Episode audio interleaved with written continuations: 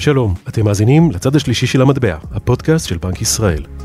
אני עמירם ברקת ממחלקת התקשורת של הבנק. היום, ה-1 בינואר 2024, מפרסם בנק ישראל את החלטת הוועדה המוניטרית על גובה הריבית. יחד עם ההחלטה, תפורסם גם התחזית המקרו-כלכלית של חטיבת המחקר של הבנק. אנחנו מעבירים לכם את נאומו של נגיד בנק ישראל, הפרופסור אמיר ירון, מאולם המליאה בבניין הבנק בירושלים. לאחר הנאום, נעבור לשמוע את שאלות העיתונאים. נעבור כעת לדובר בנק ישראל, אורי ברזני. שלום לכולם, אה, שוב אחר הצהריים אה, טובים לעיתונאים שכיבדו אותנו והגיעו למשכננו בירושלים, שלום לצופים אה, באתר האינטרנט של הבנק, בערוצי הטלוויזיה. אנחנו פותחים את תדרוך העיתונאים לאחר החלטת הריבית של, המדין, של הוועדה המוניטרית בבנק ישראל. אני מעביר את רשות הדיבור לנגיד, לנגיד ירון שידווח וירחיב על רקע להחלטת הריבית, לאחר מכן כרגיל נפתח את התדרוך לשאלות העיתונאים. בבקשה פרופסור ירון. תודה אורי. שלום לכולם. מלחמת חרבות ברזל בעיצומה וימים מורכבים עוברים על מדינת ישראל. בנינו ובנותינו עומדים גם עתה בחזית, בהגנה עלינו, ואני רוצה לחזק את ידיהם ולשלוח להם את תודתנו. לכלכלה הישראלית ישנם יסודות איתנים ונקודת הפתיחה הכלכלית בה נכנסנו למלחמה הייתה חיובית. יחס החוב לתוצר, אחד המדדים החשובים לחוסן של הכלכלה, ירד חזרה לסביבת ה-60 אחוזים, הגירעון החזוי בתקציב היה נמוך, שיעור האבטלה היה נמוך ותחזית הצמיחה הייתה מעודדת, בוודאי בראייה בינלאומית. ההשלכות הכלכליות של המלחמה רחבות ומשמעותיות ויש להן השפעה על כלל הפעילות המשקית. דיוני הוועדה המוניטרית שהתקיימו ביומיים האחרונים התמקדו בהשפעות הכלכליות של המלחמה. הוועדה המוניטרית ניתחה את התהליכים השונים ואת השפעתן על הפעילות הכלכלית ועל האינפלציה. ובתום הדיונים החליטה הוועדה להוריד את הריבית ב-0.25 נקודות האחוז לרמה של 4.5 אחוזים. תוואי הריבית ייקבע בהתאם להמשך התכנסות האינפלציה ליעדה המשך היציבות בשווקים הפיננסיים, הפעילות הכלכלית והמדיניות הפיסקלית. תחילה אסקור את מצב המשק ותנאי הרקע להחלטת הוועדה. ברור לנו כי אי הוודאות הכלכלית קשורה בימים אלו באופן הדוק לתחום הביטחוני ולאופן בו תתפתח המלחמה. לאור זאת, להתפתחויות הכלכליות, כולל אלו שמתווה הממשלה, תהיה גם השפעה על המשך המדיניות המוניטרית. ארחיב על כך בהמשך. מאז פרוץ המלחמה, ב-7 באוקטובר, אנו בבנק ישראל מקיימים מערכות מצב שוטפות אודות השפעת המלחמה על הכלכלה והשווקים. אנו בוחנים השפעות אלו ברמה כלל משקית, ברמת ענפי המשק וגם לפי גודל העסקים ומשקי הבית השונים. ברור לנו כי הפגיעה הכלכלית שספג המשק היא משמעותית ועוצמותיה משתנות בתחומים שונים. לצד זאת, אנו רואים התאוששות עקבית בפעילות הכלכלית. זו אינדיקציה כי המשק הישראלי מצליח להסתגל למציאות שנכפתה עלינו. המשך קיום ועידוד שגרה מקסימלית בעורף ברקע המלחמה בחזית, תוך ההתאמות הנדרשות, הוא הכרחי וחיוני לכלכלה. האינפלציה בישראל אומנם שואה מעל יעד האינפלציה, שכזכור עומד על 1 עד 3 אחוזים. עם זאת, בחודשים האחרונים מסתמנת ירידה מתמשכת בקצב האינפלציה ובסביבתה. התמתנות זו באה לידי ביטוי גם באינפלציית המוצרים השכירים וגם באינפלציית המוצרים הבלתי שכירים הדביקה יותר. בנוסף, גם בבחינת הדינמיקה בטווחי הזמן השונים ניכרת האטה בקצב האינפלציה. ירידת האינפלציה משפיעה גם על הריבית הריאלית שעודנה מצויה ברמה חיובית ומרסנת גם בהינתן ההחלטה היום. יתרה מכך, בהסתכלות על התחזיות לאינפלציה, אנו רואים כי גורמים שונים במשק מעריכים כי האינפלציה תשוב ליעדה כבר במהלך הרבעון הראשון. גם הציפיות מהשוק לטווחים הארוכים יותר מצויות בתוך היעד. הערכות אלה מספקות לנו מידע חשוב לאופן בו השחקנים בשוק רואים את המצב הכלכלי ואת תפיסתם להשפעת המדיניות המוניטרית על האינפלציה. חשוב לזכור כי הציפיות הן חלק משיווי משקל והן נקבעות בין היתר לאור מדיניות הריבית שאנו נוקטים בה והאמינות שמייחסים השווקים למדיניות המוניטרית של בנק ישראל. גורם מרכזי בהשפעתו על האינפלציה בחודשים הקרובים יהיה שוק המטח. התנודתיות הגבוהה בשערי החליפין של השקל מוסיפה אי ודאות רבה. האיסוף המשמעותי שחל לאחרונה, ככל שיתבסס, יפחית את לחצי האינפלציה ויסייע להתכנסותה ליעד. כלי המדיניות שהפעלנו עד כה עקביים עם מחויבותנו להחזרת האינפלציה ליעד והוועדה מעריכה כי המדיניות המוניטרית הנוכחית תומכת בהתכנסות האינפלציה ליעדה. אזכיר כי מיד עם פרוץ המלחמה נקטנו במספר צעדים שמטרתם להבטיח תפקוד מלא ותקין של השווקים. תוכניות אלה הצליחו לייצר עד כה יציבות בשוק המטח ובשווקים הפיננסיים. הרמה הגבוהה של יתרות המטח של בנק ישראל, שעמדה על כ-200 מיליארדי דולרים ערב המלחמה, מאפשרת לנו מרחב פעולה לשמירה על היציבות במשק, תוך הפחתת אי הוודאות בעת הזו. עד כה ניכר כי בשוק זה האיזון הצליח להישמר. אנו עוקבים אחר ההתפתחויות בשוק כל העת ונפעל בהתאם לצורך. יציבות מחירים מייצרת ודאות כלכלית. היא רכיב הכרחי לקיום פעילות כלכלית בריאה. בנוסף, חשוב להזכיר כי אינפלציה גבוהה פוגעת בראש ובראשונה בשכבות החלשות. לכן החזרת האינפלציה ליעדה היא מטרה מרכזית שלנו גם בעת הזו. תוואי המדיניות בחודשים הבאים יושפע מהמשך התכנסות האינפלציה ליעדה, אך לא רק. המדיניות התקציבית משפיעה משמעותית על הפעילות הכלכלית וייתכן כי גם על השווקים הפיננסיים ועל כן גם על התפתחות המחירים. לכן יהיה לה גם משקל רב בתוואי המדיניות המוניטרית שלנו.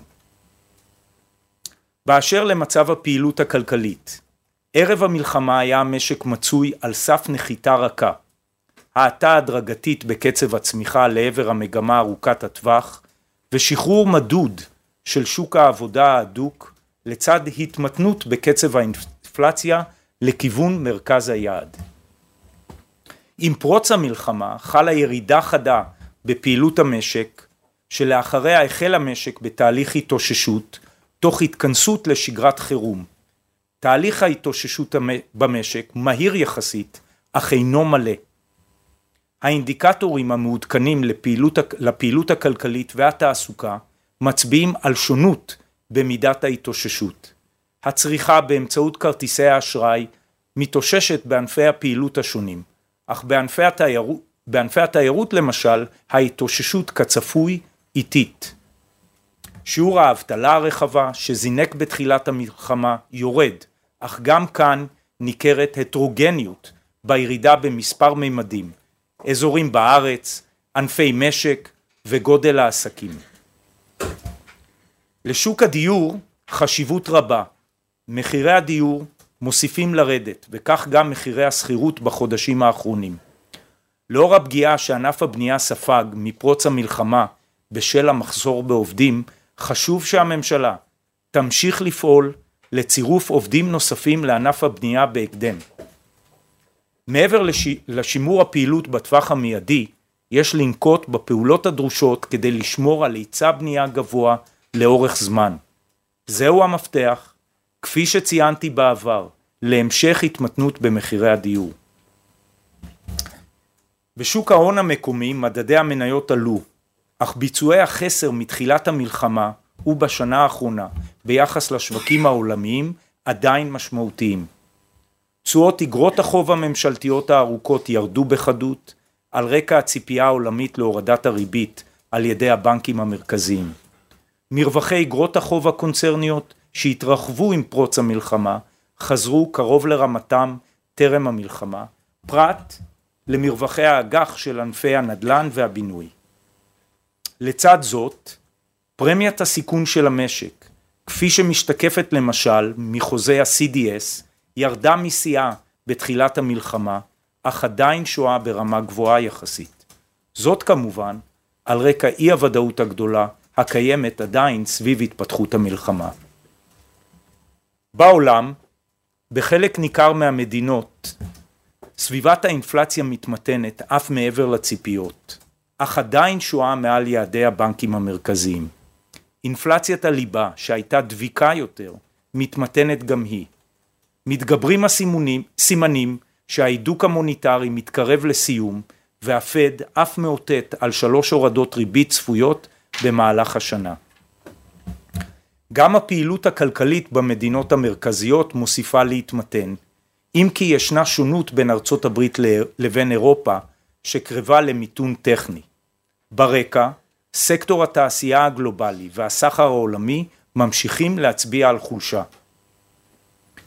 כמדינה קטנה ופתוחה, אנו מושפעים כמובן מההתפתחויות אלו ומתאימים את המדיניות שלנו באיזון ההולם בין ההתפתחויות המקומיות להתפתחויות בעולם. נושאים אלו ונוספים נלקחים בחשבון בתחזית מקרו-כלכלית עדכנית שפרסמה היום חטיבת המחקר.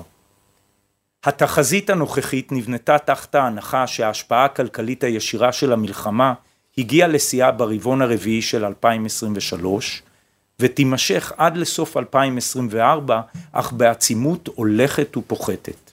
עבור 2025 ההנחה היא שלא יהיו השפעות לחימה מהותיות נוספות. בדומה לתחזיות הקודמות, התחזית מניחה כי חלק הארי של המלחמה יתרחש בחזית אחת מול עזה. ברור כי משך הזמן וההתפתחו, והתפתחויות המלחמה לזירות נוספות יכולים לשנות את האומדנים באופן מהותי. בהתאם להנחות אלו, החטיבה הותירה את תחזית הצמיחה על 2% בכל אחת מהשנים 2023 ו-2024, ובחמישה אחוזים בשנת 2025. חשוב להדגיש, זהו קצב צמיחה המשקף התכנסות מלמטה לתוואי התוצר החזוי טרם המלחמה. על פי התחזית, שיעור האבטלה הרחבה צפוי לעמוד על 5.3 אחוזים בממוצע בשנת 2024 ועל 3.2 אחוזים בשנת 2025. האינפלציה השנתית צפויה לעמוד ברבעון הרביעי של 2024 על 2.4 אחוזים ובזה של 25 על 2 אחוזים. בנוסף, תחזית המחקר מעריכה כי הריבית תעמוד בממוצע רבעון רביעי של 2024 על 3.75 אחוזים או 4 אחוזים, תוואי ירידה מתון יותר מזה שהשוק מעריך. התחזית מעריכה כי העלויות התקציביות של המלחמה, הוצאות פלוס אובדן הכנסות, צפויות להסתכם בכ-210 מיליארדי ש"ח. בנוסף, התחזית מניחה גידול פרמננטי בהוצאות הביטחון לאחר המלחמה בסך כ-20 מיליארדי ש"ח. לסכום זה מתווספות הוצאות ארוכות טווח הכוללות את השיקום על ידי מנהלת תקומה וגידול בהוצאות הריבית, כך שסך הגידול יגיע לכ-30 מיליארדי ש"ח בשנה. כנגד זאת, מניחה החטיבה שהממשלה תבצע התאמות מצטברות, בעלות אופי פרמננטי, שיגיעו בסוף שנת 2025 להיקף שנתי של כ-30 מיליארדי שקלים. רצוי שההתאמות אלו תיקבענה כבר ב-2024 ושחלק ניכר מהן ימומש כבר השנה. התאמה זו תביא לכך שיחס החוב לתוצר, אחד המדדים הפיסקליים המשמעותיים ביותר, צפוי לעמוד על כ-66 אחוזי תוצר בסוף 2024 ובסוף 2025. בהמשך, התאמות אלו יאפשרו תוואי רצוי של יחס חוב תוצר יורד, כך שבשנת 2030 יחס זה ירד לכ-63 אחוזים. חשוב לציין כי הממשלה עדיין לא קבעה את יעדיה הפיסקליים לשנת 2024. תחזית החטיבה מציגה גם את המשמעויות במידה ולא תבוצענה ההתאמות הנדרשות ומצביעה על כך שיחס החוב לתוצר במקרה זה ימשיך לעלות לאורך זמן בשיעור ניכר. כפי שכבר הזכרתי, הכלכלה הישראלית היא כלכלה איתנה ביסודה, ויש לה את המאפיינים הנדרשים לשגשג גם בשוך המלחמה. אך הדבר אינו קורה מאליו.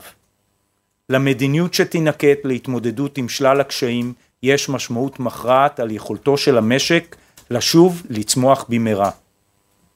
על הממשלה לנקוט במהלכים התקציביים הנדרשים להתמודדות עם עלויות המלחמה ועם הגדלת תקציב הביטחון בשנים הבאות כדי להחזיר את המשק מהר ככל הניתן למסלול של צמיחה בת קיימא ולא להידרדר חלילה לשנים אבודות.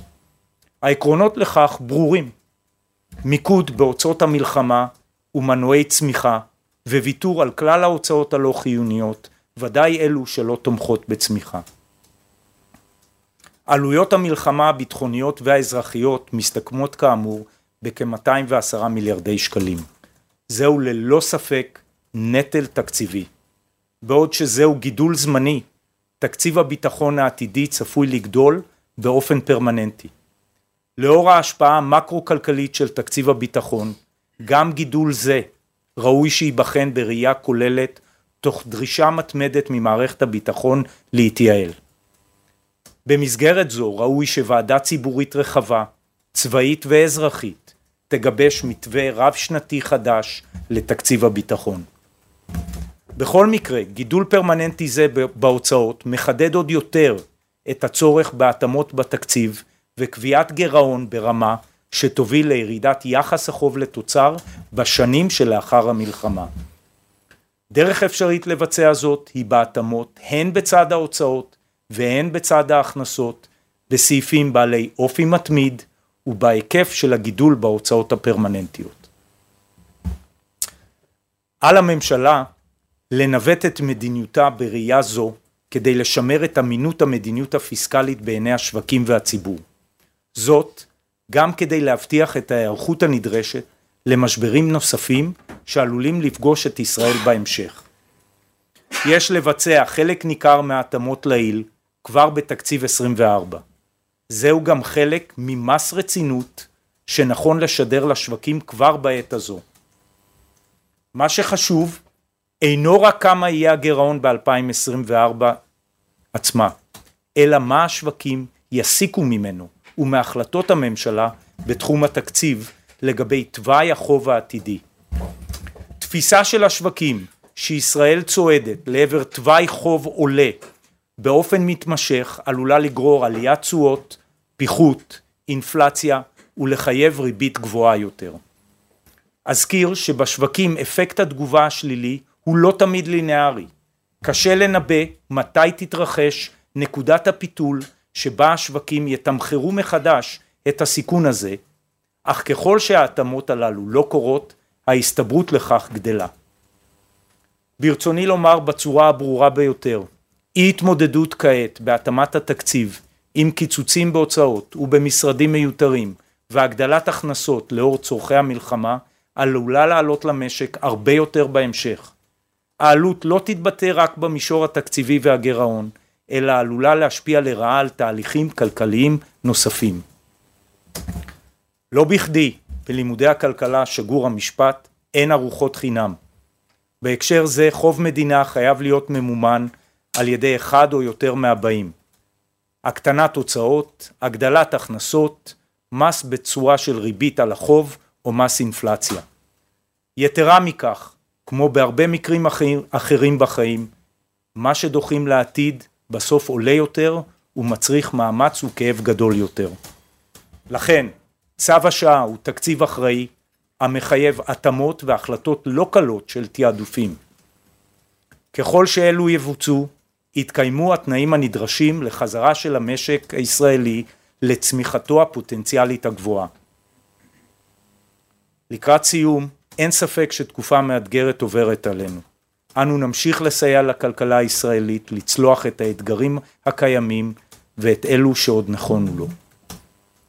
אבקש למסור גם מעל במה זו שבנק ישראל והוועדה המוניטרית שולחים תנחומינו למשפחות השכולות, איחולי החלמה מלאה לפצועים ומייחלים לחזרתם המהירה של כל החטופים והנעדרים. ליבנו איתכם. תודה רבה. תודה לנגיד ירון. אנחנו נפרסם כעת את דברי הנגיד באתר האינטרנט של בנק ישראל, נפיץ אותו לתקשורת כמובן בצורה מסודרת. אני פותח כעת את תדרוך העיתונאים לשאלות, לעיתונאים שהגיעו לכאן. אני מבקש לפתוח עם אהרון כץ מגלובס, בבקשה אהרון. נגיד שלום, תודה רבה שאתה עונה על שאלותינו. שתי שאלות ברשותך. אמרת את זה גם בוועדה לביקורת המדינה, והיום ממש הרחבת את הדברים, ממש סיפקת מתכון לאיך צריך להתייחס לתקציב לשנת 2024. מהחדשות האחרונות שמשרד האוצר ובממשלה, נראה שדבריך נופלים על אוזניים ערלות. הייתי שמח לשמוע ממך איך אתה מתייחס לעניין, האם לוקחים את דבריך ברצינות הראויה להם. ושאלה שנייה, מתווה ההורדות ריבית לשנת 2024 גבוה יותר ממה שמתעדים בשוק ההון. הייתי שמח להבין למה המתווה שלכם הוא מתון יותר ביחס למה שצופים בשווקים. תודה. אני אתחיל בשאלה אה, השנייה דווקא. קודם כל, אנחנו עושים את הצעד הזה כי הצלחנו, אני חושב, לפחות לעת עתה, לייצב את השווקים. אמרנו בפגישות הקודמות, זה ניומרו אונו, כן?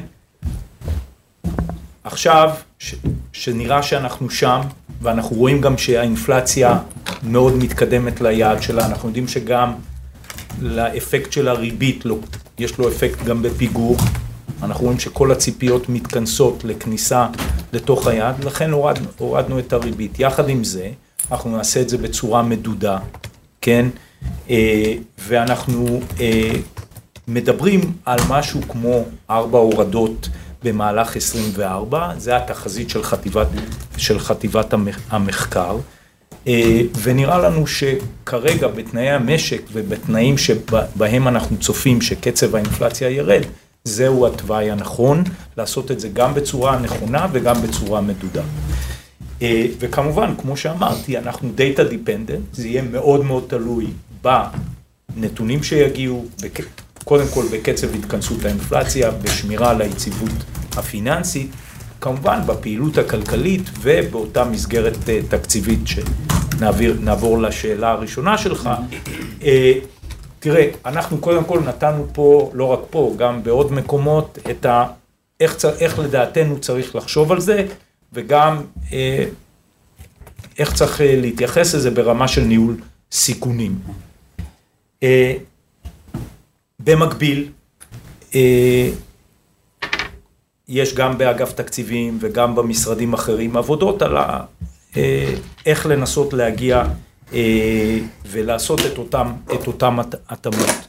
אני חושב שקודם כל צריך להגיע לתובנה שבאותו ניהול סיכונים תחשוב על זה על שני שלבים. קודם כל חייבים לעשות התאמות. מדוע? אנחנו לא בתקופת הקורונה, אנחנו לא יכולים לסמוך על זה שנצמח בתשעה ושישה אחוזים והדבר הזה, ואנחנו בעולם של ריביות אחרות, אנחנו לקראת עולם אה, שהולך אה, לכיוון התמתנות בשיעורי הצמיחה שלו. ולכן בניהול סיכונים הזה, אנחנו אומרים, קודם כל צריך להבין, צריך לעשות פה את ההתאמות האלה. ברגע שהתובנה הזאת תגיע ואלה רמת העקרונות שלנו, הניהול הספציפי של התעדופים אה, כמובן ייעשה בשלב הבא עם אה, אה, האנשים הטובים במשרד האוצר. תודה רבה, אני עובר לגד ליאור, ידיעות ynet, בבקשה גד. כן, שתי שאלות, קודם כל, ארבעה עשורים אני מסקר את משרד האוצר, אני לא זוכר העברות שערורייתיות כאלה של כספים, בוודאי לא. ב-12 הימים האחרונים ספרתי למעלה משמונה מיליארד שקלים, שזה יותר מאחוז וחצי מהתקציב, שהועברו בימים האחרונים. בין היתר, כספים שמועברים למשרד ממשלתי אחד, שהוא משרד קטן, שמגיעים כמעט בסך הכל תקציבו למיליארד שקלים, משרדה של הגברת סטרוק. אני רוצה התייחסות שלך לעניין הזה, כי זה נראה חריג בכל קנה מידה. השאלה השנייה, אמ, יש לנו בעיה בדרום של החות'ים, וכבר עכשיו מתברר, למרות שחלק מהספינות חוזרות, שההובלה מאוד תתייקר, בעיקר כאשר מעבירים במשאיות דרך ירדן סחורות ומקיפים את אפריקה, ויש חשש כנראה שתהיה עליית מחירים לא קטנה. אם אתה לא חושש בתחום האינפלציה, לעניין הזה לגבי האפשרות להמשיך ולהפחית את הריבית בחודשים הבאים. קודם כל דיבר, אני אתחיל בסוף. קודם כל, גם בהמשך לשאלה הקודמת, זו אחת הסיבות שבה אני מדבר על תוואי מאוד מאוד מדוד אה, לאורך זמן, כי בין היתר גם קודם לכן, אנחנו רואים שממוצע הציפיות הולך בדיוק לכיוון הנכון, אבל אני אמרתי כבר כמה פעמים עוד, מעבר לחוטים, יש כל מיני זעזועי היצע, זעזועי ביקוש, בסך הכל נראה שזעזועי הביקוש כרגע לפי הציפיות ולפי איך שאנחנו מעריכים הם הדומיננטיים ולכן בין היתר האינפלציה יורדת, אבל לכן אנחנו גם נהיה data dependent. ספציפית לגבי החות'ים אנחנו, אה, יש, יש איזו השפעה אה, מסוימת בעיקר דווקא על היבוא. אה, אבל אנחנו עדיין, אין פה את האירוע של... יש כבר יבואנים שהודיעו על עליות מחירים, כולל היום. בסדר, אבל עדיין אנחנו בניתוח שעשינו עד עכשיו, הוא לא נראה משהו אה, שהולך להיות לו השפעה מאוד גדולה, אבל אנחנו כמובן נצטרך להמשיך לעקוב אחרי זה. אה, לגבי השאלה, הראש... לגבי השאלה הראשונה, תראה, אני חושב שכבר אמרתי ודיברתי על תקציב 23, כולל הוצאנו מסמך מה היה צריך אה, לעשות שמה. אה, אני חושב שכרגע, אני לא סתם הקדשתי פה לא מעט זמן, וכפי שנאמר, ממש מבנה מה צריך לעשות, אה, כי אני חושב שאנחנו במאני טיים של לנהל את תקציב 24, וזה הראייה אה, המרכזית שאליה אני, אליה מתעדף כרגע את האנרגיות של ההכוונה שלנו בנושא הזה. הוצאנו שאפשר היה לעשות הרבה יותר. אה, כבר ב-23. אתה לא חושש שהעברות כאלה עלולות להשפיע למשל על הורדת דירוג האשראי של ישראל? רואים לאן הממשלה מעבירה את הכסף בזמן מלחמה. גד, לכן אני אומר, ואני הדגשתי פה, בסוף מה שאנחנו רוצים לראות זה מתווה תקציבי שמוביל ליחס חוב תוצר, למרות שהוא יהיה חייב לעלות בתחילה, אבל כבר היום שההתנהלות תהיה, תתקבע, אם זה על ידי חל...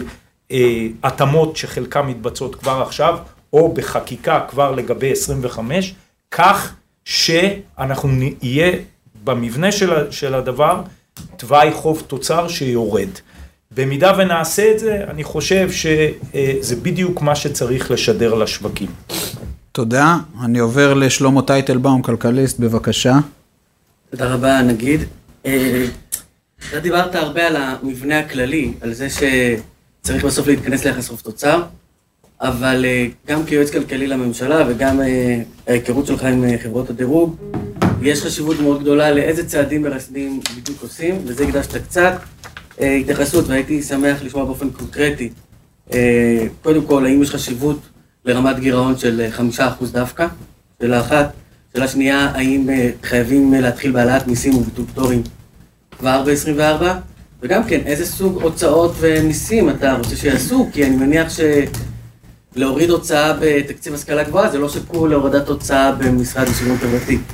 אז, אז אם אתה יכול להיכנס יותר לפרטים אז, אז אני, אני לא אענה בדיוק לכל מה שאתה רוצה, אבל אני אענה ברמת העקרונות. Okay. אוקיי. קודם כל, אני לא חושב שיש, מישהו יכול להגיד לך, כמו שאמרתי בנאום, שכולנו יודעים בדיוק באיזה נקודה היא נקודת פיבוט שבה אה, השווקים או הגורמים אה, רואים משהו כלא, אה, שהיא הנקודת אה, שבר בהכרח. אבל ברור לנו שככל שההתאמות לא נעשות וככל שברור שיש תוואי יחס חוב תוצר והדגש שלי הוא הגירעון הוא בעצם, הוא לא המטרה בפני עצמה אלא המטרה היא להראות שהיחס, הוא, הוא כלי לכך לנהל את התקציב ככה שיחס החוב תוצר יהיה לו מבנה שבסוף שנת, אחרי, אחרי המלחמה, משנת 25 ואילך, הוא הולך, ו, הוא הולך, הוא הולך ויורד. אה, גם אצלנו ראית שהגירעון בתחזית הוא 5.7 אחוזים, ויחד עם זה ההתאמות ש, שאנחנו מדברים עליהן מבטיחות במידה והם יבצעו יחס חוב תוצר כזה שיש לו inverted U-shape, שזה, שאליו, לכן אמרתי, זה, זה המבנה הרצוי.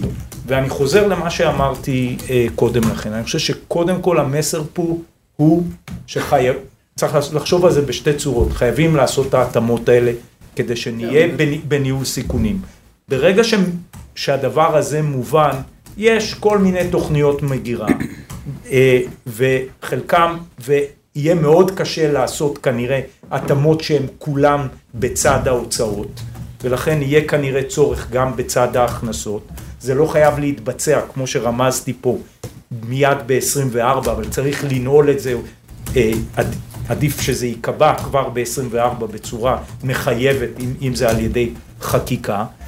ואני לא אכנס פה לדיון האם זה השכלה או ניקוד כזה או אחר, אני חושב שזה הדיון ברגע שמקבלי ההחלטות מבינים שזה, ונותנים את הסיגנל, צריך לשאוף לסדרי גודל כאלה של התאמות, יש באגף תקציבים וגם אנחנו נופיע במיד, אה, במידה של, אה, בנקודה הזאת, לפחות לתת למקבלי ההחלטות מה תורם יותר, מה תורם פחות לעניות דעתנו אה, לצמיחה וכיוצא בזה. תודה. אני עובר ברשותכם לנתי טוקר, דה מרקר, בבקשה. שלום להגיד, אני מנסה להבין עד כמה התחזית הנוכחית משקף, מגלמת בתוכה כבר את אי ביצוע אה, צעדי התאמה לפחות ב-2024, כי מדובר באמת על גירעון שגבוה מהגירעון שעליו דובר, היעד שעליו דובר, ובהתאם, האם אתה חושש שמדיניות פיסקלית מרחיבה כל כך אה, תביא לעיכוב או להשעיה של, של צעדי הורדת ריבית נוספים בשנה הקרובה? אז אני אגיד, אני אגיד את הדבר הבא. אה, אנחנו נתנו פה מתווה די ברור בהתאם להוצאות ולשיח שלנו עם הגורמים הביטחוניים, על העלויות וכיוצא בזה. אה, אנחנו עוד לא יודעים, ואנחנו, אה, מה תהיה התוצאה הסופית של המדיניות הפיסקלית. אחד הדברים שאנחנו אומרים זה שבסוף תוואי הריבית שלנו ומקדמי הביטחון שאנחנו לוקחים גד העלה פה את נושא החות'ים, אנחנו כל הזמן אה, מסתכלים על מכלול הנתונים, כן? אה, אז בוודאי שזהו אחד הפרמטרים שבמידה ונראה אה, שהוא הופך ליותר אה, מרכזי ככלי סיכון, אה, זה גם ישפיע על אה, קצב או ההרחבה המוניטרית אה, שאנחנו נראה לנגד עינינו. תודה רבה, תודה נתי. אני עובר אה, לשגיא אלמוג, ערוץ 14, בבקשה. שלום אדוני, אה, האם לא היה מקום להוריד את הריבית באופן משמעותי יותר אה, נוכח ההאטה שחווה המשק וגם מצד אחורים ההתמתנות המהירה של האינפלציה וגם ההתחזקות של השקל ומה דעתך לגבי אולי תוכניות של העלאות מיסים כאלו או אחרות לשנה הקרובה? אז, אז, אז אני אגיד, לגבי החלק הראשון, אני חושב שאנחנו עושים צעד מקדמי. אנחנו כמובן באים מצד אחד להתחיל לסייע אה, למשקי הבית, לעסקים בכיוון הזה, גם יש פה הכוונה, איזושהי בכל זאת הכוונה קדימה, אה, וכאשר אתה עושה צעד כזה, ככל שהנתונים יאפשרו לנו ויראו לנו שבאמת אה, יש התקדמות להתכנסות לאינפלציה, אנחנו נוכל להמשיך בצעדים האלה, אבל כשאתה עושה צעד כזה בפעם הראשונה, אתה בוודאי רוצה לעשות אותו כצעד מדוד, אתה רוצה לראות אה, לאור, אנחנו בכל זאת בסביבה שעד לפני החלטה היינו כולנו קודם כל ממוקדים, ואנחנו עדיין מאוד ממוקדים ביציבות הפיננסית, אבל לאור זאת אה, ברור שאנחנו אה, כרגע עושים כל צעד בצורה מאוד זהירה אה, ומדודה. ויחד עם זה אתה רואה שאנחנו, היות ואנחנו מצד שני ב... באירוע מלחמתי, במשק שהיה בנקודה טובה והיה באמת בתוואי של נחיתה רכה, כן, שבה גם הצמיחה יחסית טובה וגם האינפלציה יורדת. אנחנו כמובן באירוע המשקי עכשיו, ואתה רואה שאנחנו באיזשהו מקום עושים את הצעד הזה לפני הרבה אה, בנקים אחרים. ולגבי המיסים רק, אם זה אז, אז, דבר אולי שלילי לגבי ההאטה של המשק? עוד פעם, אני, אני חושב ש... היקף ההוצאות שיש כרגע, אם זה ההוצאות הזמניות, ה-210 מיליארד, ואם זה מה שנראה שזה כמובן עוד לא הוחלט, וראוי, אני אמרתי שנחדד את העפרונות לגבי אה, הגידול הפרמננטי בתקציב הביטחון, אבל ככל שזוהי הסביבה, אה, בניהול סיכונים, אני חושב שאנחנו חייבים לעשות את ההתאמות שעליהן אני מדבר. אני חושב שסדרי הגודל הם כאלה, שכנראה יהיה מאוד מאוד קשה לעשות אותם רק בצד ההוצאות, ויהיה צורך גם לעשות אותם בצד ההכנסות. תודה. אה, ולכך יש חשיבות שעוד פעם, יחס החוב לתוצר, נראה אותו כבר היום ונשדר לשווקים שאנחנו יודעים שהוא לפחות לא יהיה מתבדר. אני עובר לישראל פישר, גל"צ. אתה. ציינת את החשיבות של אה, המסר שישראל אה, צריכה לשדר אה, לשווקים, האם בעיניך קיים חשש שכל עוד המדיניות התקציבית של הממשלה לא תשתנה, הש- השווקים הבינלאומיים יובילו, הגופים הבינלאומיים יובילו גם להורדת דירוג וגם מה אתה שומע מאותם גופים היום? ושאלה נוספת, שר האוצר סמוטריץ' פרסם ממש בדקות האחרונות הודעה שהוא מברך אותך על הורדת הריבית, האם הוא ניסה להתערב ולהשפיע ולהגיד לך את דעתו בעניין לפני פרסום ההחלטה? הוא מציין את אה, התנהלותו האחראית. כן, הוא כמובן. התנהלותו. אה, הוא שמע חצי ממסיבת העיתונאים. כן. הוא לא, הוא עצר ב... אני, אני רק, אני אגיד את הדבר הבא, אה, בנק ישראל הוא עצמאי, הנגיד הוא עצמאי, אנחנו דרך אגב, כנוהג, לא נוהגים לדבר עם אף, אף אחד, ב, ב, כמו שאתם יודעים, אני לא מופיע בשבוע לפני אה, אה, מסיבות עיתונאים, אז את זה אתה יכול להוריד בוודאי מה, מהפרק. לגבי השאלה, הראש, החלק הראשון, שהוא החלק המהותי, אה, תראה, לא סתם אני נקבתי פה בנקודה הזאת, שאנחנו לא יודעים בדיוק באיזה נקודה השווקים אה, מאבדים אה, את הרצון להאמין שהכל הכל מסתדר.